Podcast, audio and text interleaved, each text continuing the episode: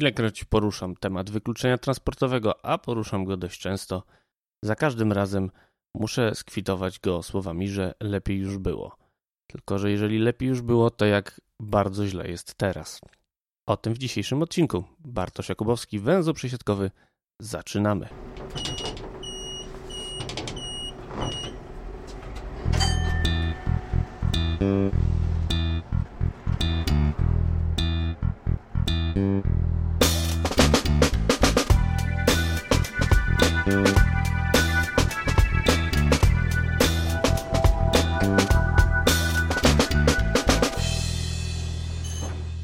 Ilekroć przygotowuję materiał na temat wykluczenia transportowego, tyle razy staram się pokazać, jak bardzo źle jest w Polsce pod tym względem i jak bardzo pogorszyły się dane od ostatniego razu. I za każdym razem mówię to samo, że tak źle jeszcze nie było, ale spadek, z którym mamy do czynienia teraz, dziś, w 2021 roku, nawet biorąc pod uwagę pandemię COVID-19, jest przepotężny. Otóż wyobraźcie sobie, że w marcu 2021 roku autobusy poza miastami, nie będące komunikacją miejską, przewiozły jedną trzecią tego, co jeszcze dwa lata temu, czyli w 2019 roku. Jednym słowem, spadek liczby pasażerów o dwie trzecie przez dwa lata jest czymś katastrofalnie niewyobrażalnym, ale niestety ma miejsce i odbija się na nas w najróżniejszy sposób. O tym, jak w praktyce to wygląda, postaram się za chwilę opowiedzieć.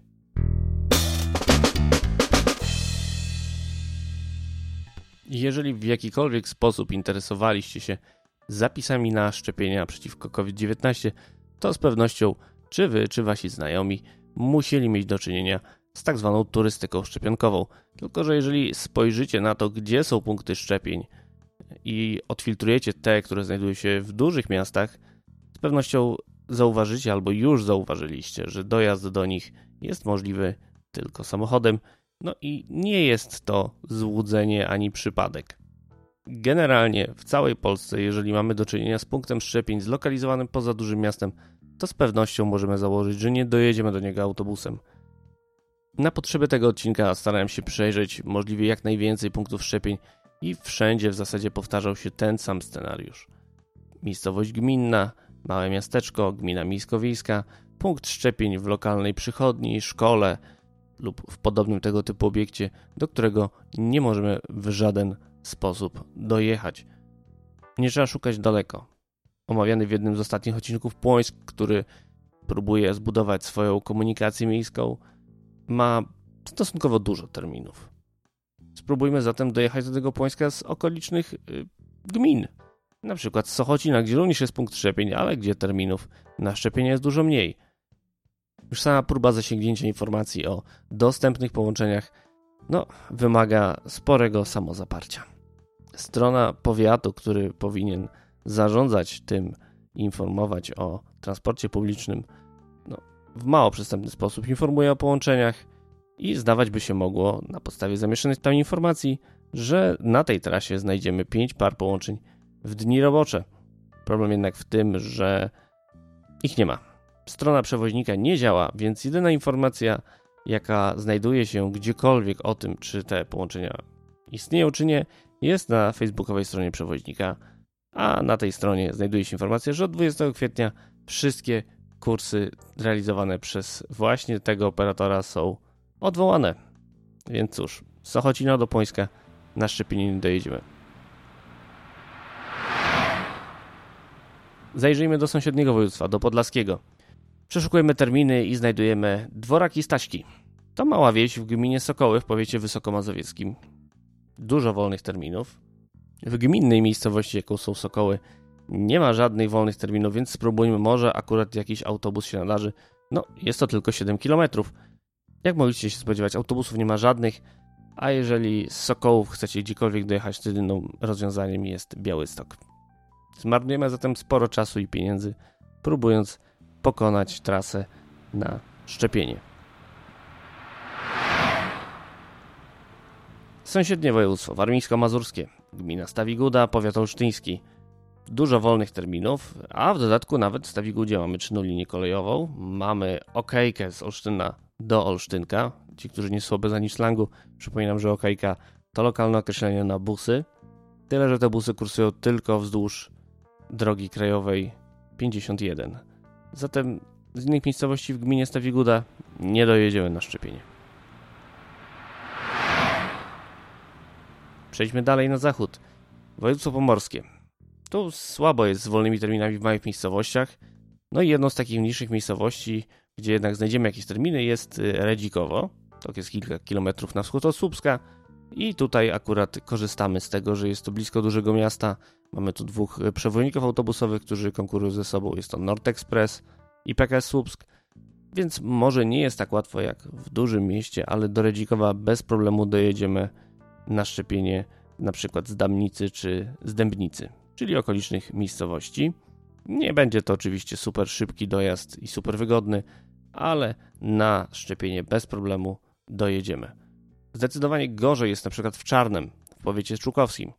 W powiecie czukowskim transport y, załatwia Powiatowy Zakład Transportu Publicznego, dość podobna jednostka organizacyjna jak ta w Lipnie, tylko że niestety z dużo gorszą ofertą.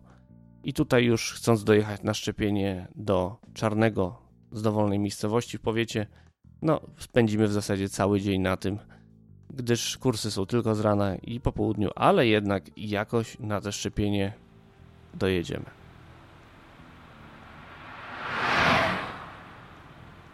Przenieśmy się teraz do centralnej części kraju, do województwa łódzkiego. Sporo wolnych terminów znajdziemy w soboty, punktach szczepień w Wolborzu i Goleszach Dużych. To są miejscowości, które są położone pomiędzy Tomaszowem a Piotrkowem. I tu znowu pojawia się problem z informacją, bo to, co na dobrą sprawę kursuje do Wolborza, jest niezwykle trudno ustalić. E, łatwo jest natomiast ustalić, że e, gmina Wolbórz dzięki zabiegom burmistrza Andrzeja Jarosa, bo to jest najważniejsza informacja, jaką znajdziemy na stronie gminy, wzięła dofinansowanie z Funduszu Rozwoju Przewozów Autobusowych na dwie linie, z których jedna jeździ niestety tylko w dni nauki szkolnej. Ta druga jeździ w dni robocze, więc w soboty nie dojedziemy w żaden sposób na szczepienie.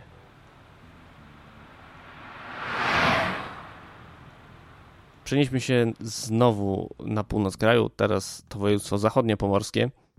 Jest tu sporo wolnych terminów. Jest sporo punktów szczepień w małych miejscowościach, więc wybrałem coś, co zdawać by się mogło, że będzie absolutnie synonimem białej plamy i nie pomyliłem się. Mobilny punkt szczepień w Karsku.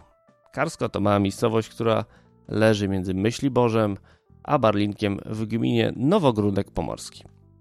I zdawać by się mogło, że jeżeli mamy tam punkt szczepień, który jest poza siedzibą gminy, to w jaki sposób znajdziemy tam jakiś dojazd?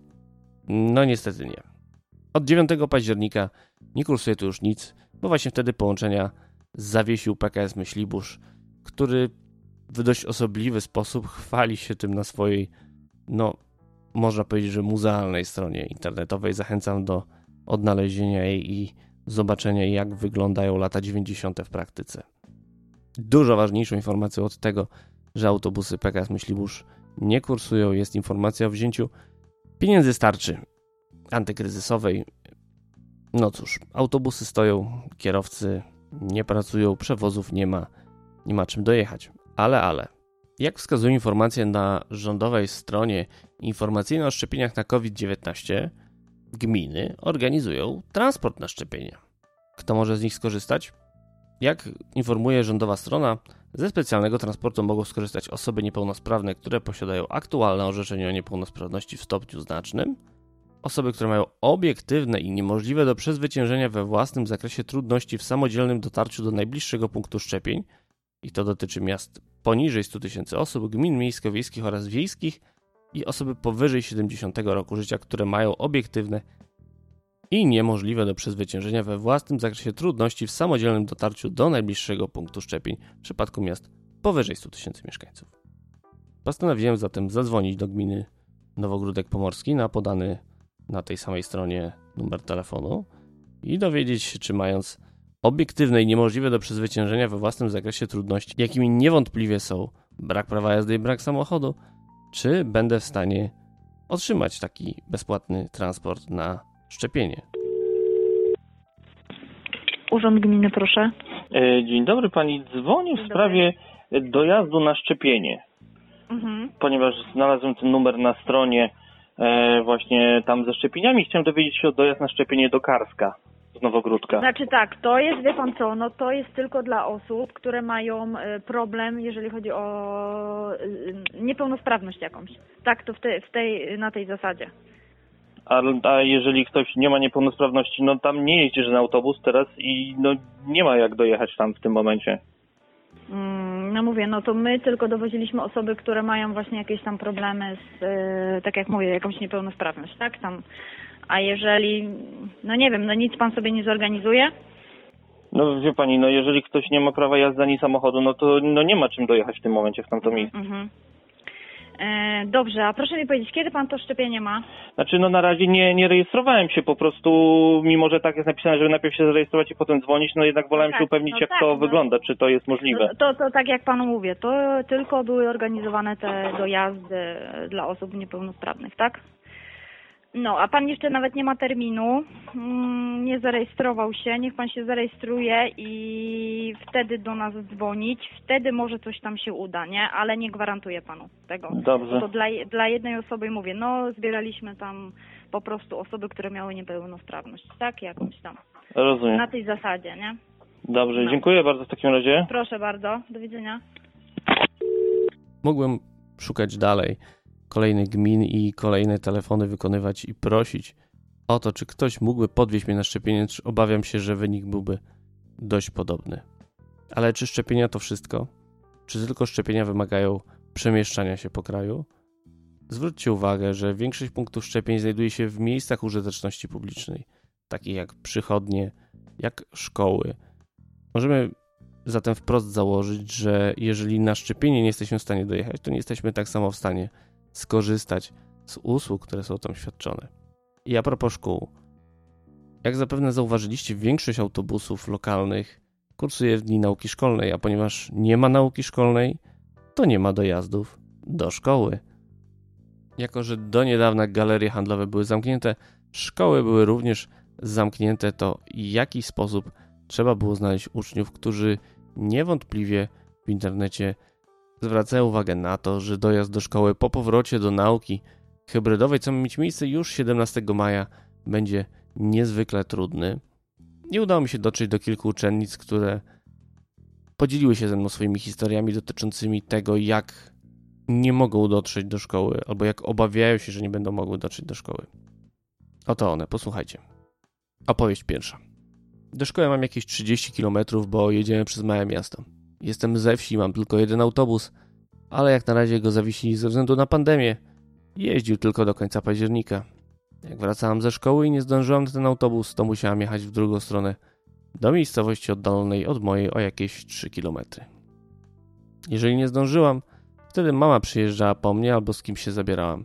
Ostatni autobus ze szkoły był po 14 i jak nie zdążyłam, to kolejny był za godzinę do tej innej miejscowości. Jak kończyłam o 16, to niestety autobus był około 18 czy coś takiego. Wtedy pozostali do dziadków albo szwendać się po mieście. Połączenie obsługuje PKS sąsiedniego województwa. Opowieść druga. Do szkoły mam kilkanaście kilometrów. Zwykle jeździłem tam autobusem. Jechał trochę dłuższą trasę, ale to nieistotne. Przystanek mam 200 metrów od domu. Autobus zatrzymał się 500 metrów od szkoły, więc dojazd miałem całkiem w porządku i byłem na miejscu chwilę przed lekcjami. Teraz autobusy w mojej miejscowości są praktycznie całkowicie zlikwidowane i prawdopodobnie w najbliższym czasie nie powrócą.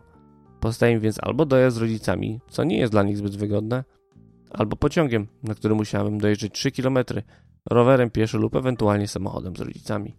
Wychodziłabym z domu godzinę wcześniej niż zwykle, tak samo długo musiałem czekać na rozpoczęcie lekcji, jeśli nie dłużej. O tej godzinie nawet szkolna biblioteka nie jest jeszcze otwarta. Pozostaje mi więc szwendanie się po mieście. Cała ta sytuacja wydaje mi się dość problematyczna i męcząca. Póki co nie pojawiła się żadna informacja, żeby autobusy miały wrócić. Kurs realizował lokalny PKS. Opowieść trzecia. Maturę piszę za rok. Mieszkam na wsi trochę ponad 30 km od Kielc, czyli tam, gdzie mam szkołę. Aktualnie jeżdżą busy, ale bardzo rzadko, ostatni jest 17.25, więc jeśli chodzi o jakieś późniejsze godziny, to nie ma opcji powrotu busem. Podczas nauki stacjonarnej dojazdy z mojej miejscowości te miejscowości, w której chodzę do liceum, aktualnie są tragiczne. Busy są raz na 2-3 godziny, a sama jazda zajmuje godzinę. Opowieść czwarta. Mieszkam jakieś 40 km od szkoły i muszę dojeżdżać dwoma busami. Żeby się tam dostać i wrócić, a niestety przez pandemię większość tych busów póki co nie jeździ, więc dojazdy przez najbliższy miesiąc podczas nauki hybrydowej i potem stacjonarnej mogą być problematyczne. Mniej więcej w połowie drogi muszę się przesiąść z jednego busa do drugiego i aktualnie to z tym jeżdżeniem jest średnio, bo wiele busów zostało tymczasowo usuniętych z rozkładów i jeździ ich bardzo mało. Oczywiście szukając takich dyskusji w internecie znajdziecie z pewnością więcej takich opowieści, podobnie jak znajdziecie również najróżniejsze sposoby rozwiązania tego kryzysu transportowego, chociażby w formie dojazdów na szczepienia, do których chciałem jeszcze na chwilę wrócić. Dr Paweł Grzesiowski, który często zajmuje się tym tematem, mówi o szczepionkobusach. Pytanie jednak, czy zwykłe busy by nie wystarczyły. Rafał Mundry z Uniwersytetu Ekonomicznego we Wrocławiu, który pochodzi z góry, proponował darmowe przejazdy. I spojrzałem, jak wygląda to właśnie w górze, w powiatowym mieście na północy województwa dolnośląskiego. Otóż z góry w dni robocze kursuje 5 par busów do Leszna, z czego ostatnio odjeżdża o 15.10 i 4 pary busów do Głogowa. Ostatnio odjeżdża o 15.15. I wydaje mi się, śmiem twierdzić, że tak właśnie będzie, że te darmowe przejazdy na niewiele się zdadzą w momencie, kiedy ta oferta jest tak uboga i tak naprawdę nie jest w stanie realizować żadnych regularnych potrzeb. Czy Fundusz Rozwoju Przewozów Autobusowych jest ratunkiem? Jak widać nie jest, skoro gminy wystąpiły o pieniądze na kursy kursujące w dni nauki szkolnej, a nauki szkolnej nie ma, więc nie ma autobusów. Nie ma autobusów, więc nie wykorzystuje środków z Funduszu Rozwoju Przewozów Autobusowych, więc nie ma rozwoju przewozów autobusowych i kółko się zamyka. Powiecie, może samorządy nie mają pieniędzy. No, jak zwykle nie jest to prawda. A dlaczego? No, można powiedzieć, że mamy kryzys, mamy niższe wpływy do budżetów samorządów, tak, to po części prawda. Natomiast jeżeli spojrzymy na wstępne wyniki wykonania budżetu państwa i samorządów za 2020 rok, to zobaczymy, że sporo pieniędzy nie zostało wydane. Na przykład dopłaty do ulg, o których mówiłem w jednym z ostatnich odcinków. W 2019 roku rząd założył, że będą one kosztować 640 milionów złotych i ten plan został niemal w całości wykonany, bo wydano 638 milionów złotych. W 2020 roku ustawie budżetowej założono bardzo podobny limit wydatków, ale na koniec listopada 2020 roku wydano jedynie 424 miliony, co i tak należy uznać za wysoką kwotę, biorąc pod uwagę to, jak bardzo spadły przewozy autobusami. Zatem możemy założyć, że budżet państwa nie wydał w 2020 roku 200 milionów złotych na ten cel. Jeżeli spojrzymy do budżetów samorządów i odniesiemy plan, jakie miały na 2020 rok, a jak wyglądało wykonanie planów budżetowych, to zauważymy, że nie wydano prawie 490 milionów złotych. To jest suma dla gmin w całym kraju, w tym miast dla prawach powiatu. I te gminy oraz miasta na prawach powiatu nie wydały prawie 490 milionów złotych na transport publiczny i prawie 66 milionów na dowozy uczniów, co stanowi odpowiednio 4% i 6% planu. Nie jest to zbyt wiele, ale jednak razem uzbierane daje nam już całkiem okrągłą sumkę. Wciąż do odliczenia właśnie pozostaje też Fundusz Rozwoju Przewozów Autobusowych. Ponieważ nie ma jeszcze pełnego wykonania budżetu państwa za 2020 rok, trudno stwierdzić, ile pieniędzy nie zostało wykonanych, tak samo jak trudno stwierdzić, czy ze swojej wpłaty na Fundusz Rozwoju Przewozów Autobusowych wywiązał się minister Adamczyk, który w 2019 roku takiej wpłaty nie poczynił. Podsumowując ten cały temat, trudno nie zauważyć, że bicie na alarm, które między innymi również ja podnosiłem mniej więcej dwa lata temu, kiedy powstawała ustawa o Funduszu Rozwoju Połączeń Autobusowych, wydaje się być nieco przesadzone w stosunku do tego, co dzieje się obecnie. Obecnie można powiedzieć, że pacjent pod tytułem przewozy autobusowe poza miejskimi obszarami funkcjonalnymi już nie żyje. Wtedy rozmawialiśmy o podaniu mu kroplówki, które utrzyma go przy życiu. Dziś trudno mówić o tym, że jeszcze cokolwiek w tym starym systemie jest w stanie uratować ten transport publiczny poza dużymi miastami. Czy kroplówka w postaci Funduszu Rozwoju Przewozów Autobusowych w czymś pomogła? Nie za wiele. Czy nadal należy utrzymywać konkursowy system dopłat do transportu publicznego, nawet w formie wieloletnich umów i nawet z wyższym dofinansowaniem? Śmiem wątpić. Bez dużej, radykalnej dosłownie zmiany w finansowaniu i w organizacji transportu publicznego będziemy dalej mieli do czynienia z problemami z dojazdem do lekarza, z dojazdem młodzieży do szkół, ale przede wszystkim z tym, żeby transport publiczny poza miastami w ogóle istniał i oferował jakąkolwiek ofertę dającą możliwość realizacji jakichkolwiek potrzeb codziennych bez użycia samochodu. Nie lubię robić takich odcinków, nie lubię przygotowywać takich materiałów, w których mówię tylko o tym, co jest źle, ale jest to element naszej rzeczywistości i trudno się z tą rzeczywistością pogodzić. Czekam na Wasze opinie, czekam na Wasze spostrzeżenia. Komentujcie w social mediach, w, na Facebooku, na Twitterze, na Instagramie, na LinkedInie. Oczywiście żaden odcinek węzła przesiadkowego nie może zakończyć się bez podziękowań i pozdrowień. W tym tygodniu pozdrowienia dla Pauliny Matysiak i podziękowania dla wszystkich patronów podcastu, a w szczególności tych, którzy korzystają z biletów okresowych. A są to Paweł Zegartowski, Paweł Szczur, Tomasz Tarasiuk, Monika Stankiewicz, Paweł Łapiński, Peter Jancowicz, Janka, Jerzy Mackiewicz, Jakub Kucharczuk, Michał Cichosz, Łukasz Filipczak, Filip Lachert, Jacek Szczepaniak, Jurek Gozdek, Kuba Czajkowski, Piotr Rachwalski, Grzegorz Omankenik, Jakub Burdziński, Jakub Madrias, Paulina Matysiak, MP, Piero i Hubert Turski. Jeżeli chcecie dołączyć do grona patronów, zapraszam Was na patronite.pl przesiadkowy. Tam możecie wybrać swój bilet, znaleźć się na tej liście chwały i również przekazać komuś swoje pozdrowienia. Na dziś to wszystko. Do usłyszenia.